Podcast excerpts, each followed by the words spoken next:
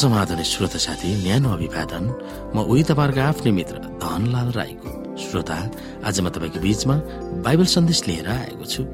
आजको बाइबल सन्देशको शीर्षक रहेको छ यशुको दिमाग वा मनस्थिति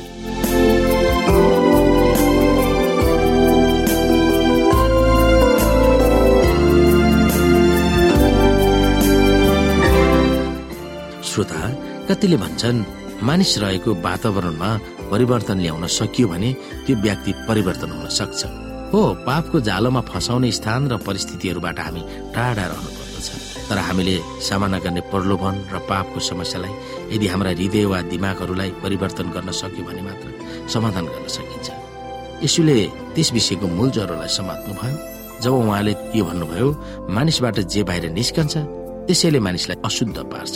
किनकि भित्रबाट अर्थात् मानिसको हृदयबाट खराब विचार व्याविचार चोरी हत्या परिस्थितिगमन लोभ दुष्टता छल छाडापन हिस्या निन्दा घमण्ड मूर्खता निस्कन्छन्।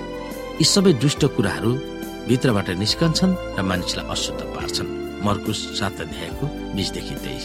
त्यसको अर्थ यदि हामीहरूको आचरण फेर्न चाहन्छौँ भने हाम्रा दिमाग वा मनस्थितिलाई आमूल परिवर्तन गर्नु आवश्यक छ। हाम्रो दिमागमा यसुको दिमाग हुनु वा उहाँको मनस्थितिको प्रत्यारोपण हुनु भनेको के हो? हामी विभिन्न पदहरू यहाँ हेर्न सक्छौ।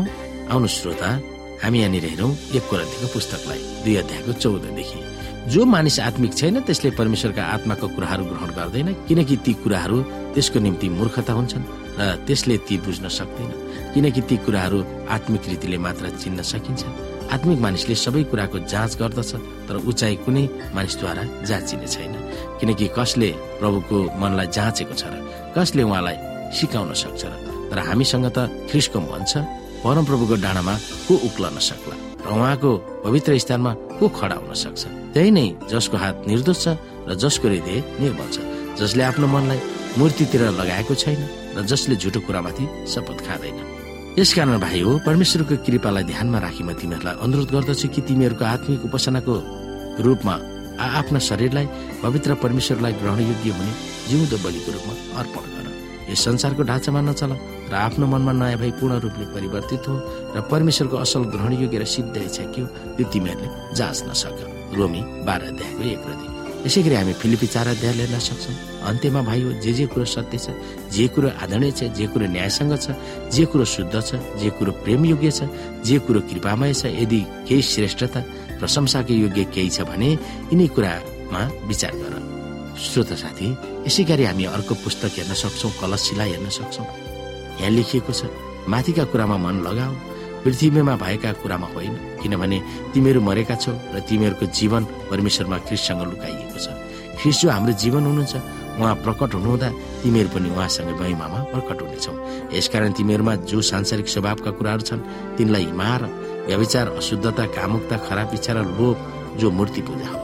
यिनै कुराहरूका खातिर परमेश्वरको क्रोध आज्ञा नमान्नेहरूमाथि आउँदछ। तिमीहरू पनि रहँदा अघि एक समय यस्तै कुरामा चल्दथ्यौ।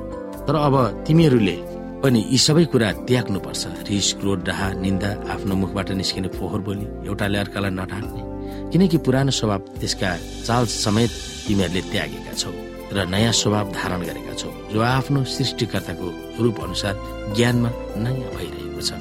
नयाँ करारको नीतिमा परमेश्वरले यो प्रतिज्ञा गर्नुभएको छ कि उहाँले उहाँको व्यवस्था वा दश आज्ञाहरू उहाँका जनहरूको दिमागमा राखिदिनुहुनेछ र तिनीहरूको हृदयमा लेखिदिनुहुनेछ।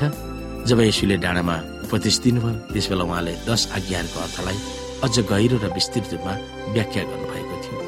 त्यस व्याख्यामा उहाँले मानिसको बाहिरी क्रियाकलापलाई मात्र सम्बोधन गर्नु भएन उसको सोच र नियतहरूलाई समेत सम्बोधन त्यसकारण परमेश्वरको परिवर्तन गर्ने अनुग्रहले मात्र शैतानको जालहरूमाथि विजय पाउन सक्छौँ। जब हाम्रो सोच विचार वा नियतहरूमा केही असामान्य वा अनुचित तत्त्वहरू फर्कियो भने परमेश्वरसँग प्रार्थना गर्नुपर्छ ताकि उहाँको अनुग्रहले हाम्रो दिमागमा आउने पापी सोचहरूलाई रोक्न सक्छ। हामी जतिसुकै निष्ठामान भए तापनि यसो ख्रिस नाउन्जेल जीवनमा हामी पाप रहित वा सिद्ध स्थितिमा हामी कहिले पनि पुग्न सक्दैनौँ। तर हामी यसोमा छौँ भने उहाँको धार्मिकताले हामीलाई पूर्ण रूपले छोपिएको हुन्छ। हामी सिद्ध भएका छैनौँ त्यही पनि उहाँमा सिद्ध भएको उहाँले ठहराउनुहुन्छ। जब हामी यसोमा एक हुन्छौँ हामीमा क्रिसको दिमाग वा मन प्रत्यारोपण हुन्छ। निर्मलता र प्रेम चरित्रमा चम्किन्छ। नम्रता कोमलता र सत्यताले जीवनलाई नियन्त्रण गर्दछ। मानिसले व्यक्त गर्ने मिजाज परिवर्तन भएको उसको अनुहारले नै बताउँदछ। जब मानिसको जीवनमा ख्रिस्टले बास गर्दछ तब उसको जोस जागरले उसलाई परिवर्तन गर्ने शक्ति छ भनेर देखाउँदछ। अनि बाहिरी आचरणले उसमा शान्ति र आनन्द भित्री हृदयमा छ भनेर देखाउँदछ। त्यस स्थितिमा हामी पुग्न दिनदिनै हामीले परमेश्वरमा समर्पित जीवन बिताउनु पर्दछ। आफ्नो स्वार्थमय जीवनलाई मार्नै पर्छ। दिनदिनै प्रतिबद्ध भएर परमेश्वरमा रहने प्रयास गर्नुपर्छ। यसुमा विश्वास र आज्ञाकारी भएर जीवन बिताउन सक्यौँ भने मात्र हाम्रो जीवन उहाँले चाहेको अनुसार परिवर्तन हुन सक्छ। अन्त्यमा श्रोता तपाईँको दिमागमा एउटा पनि पापी वा खराब सोच आएन भने तपाईँको जीवन कस्तो हुने होला? कल्पना गर्नुहोस्। तपाईँको जीवन कस्तो हुने होला? यो अनुभव वा तपाईँले त्यो हुनुमा के दक्षता प्राप्त गर्नुपर्दछ त्यो कुरा सोच्नुहोस्।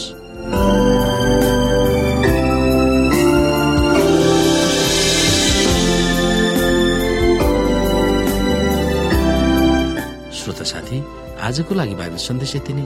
हस्त नमस्ते जय मसिंह।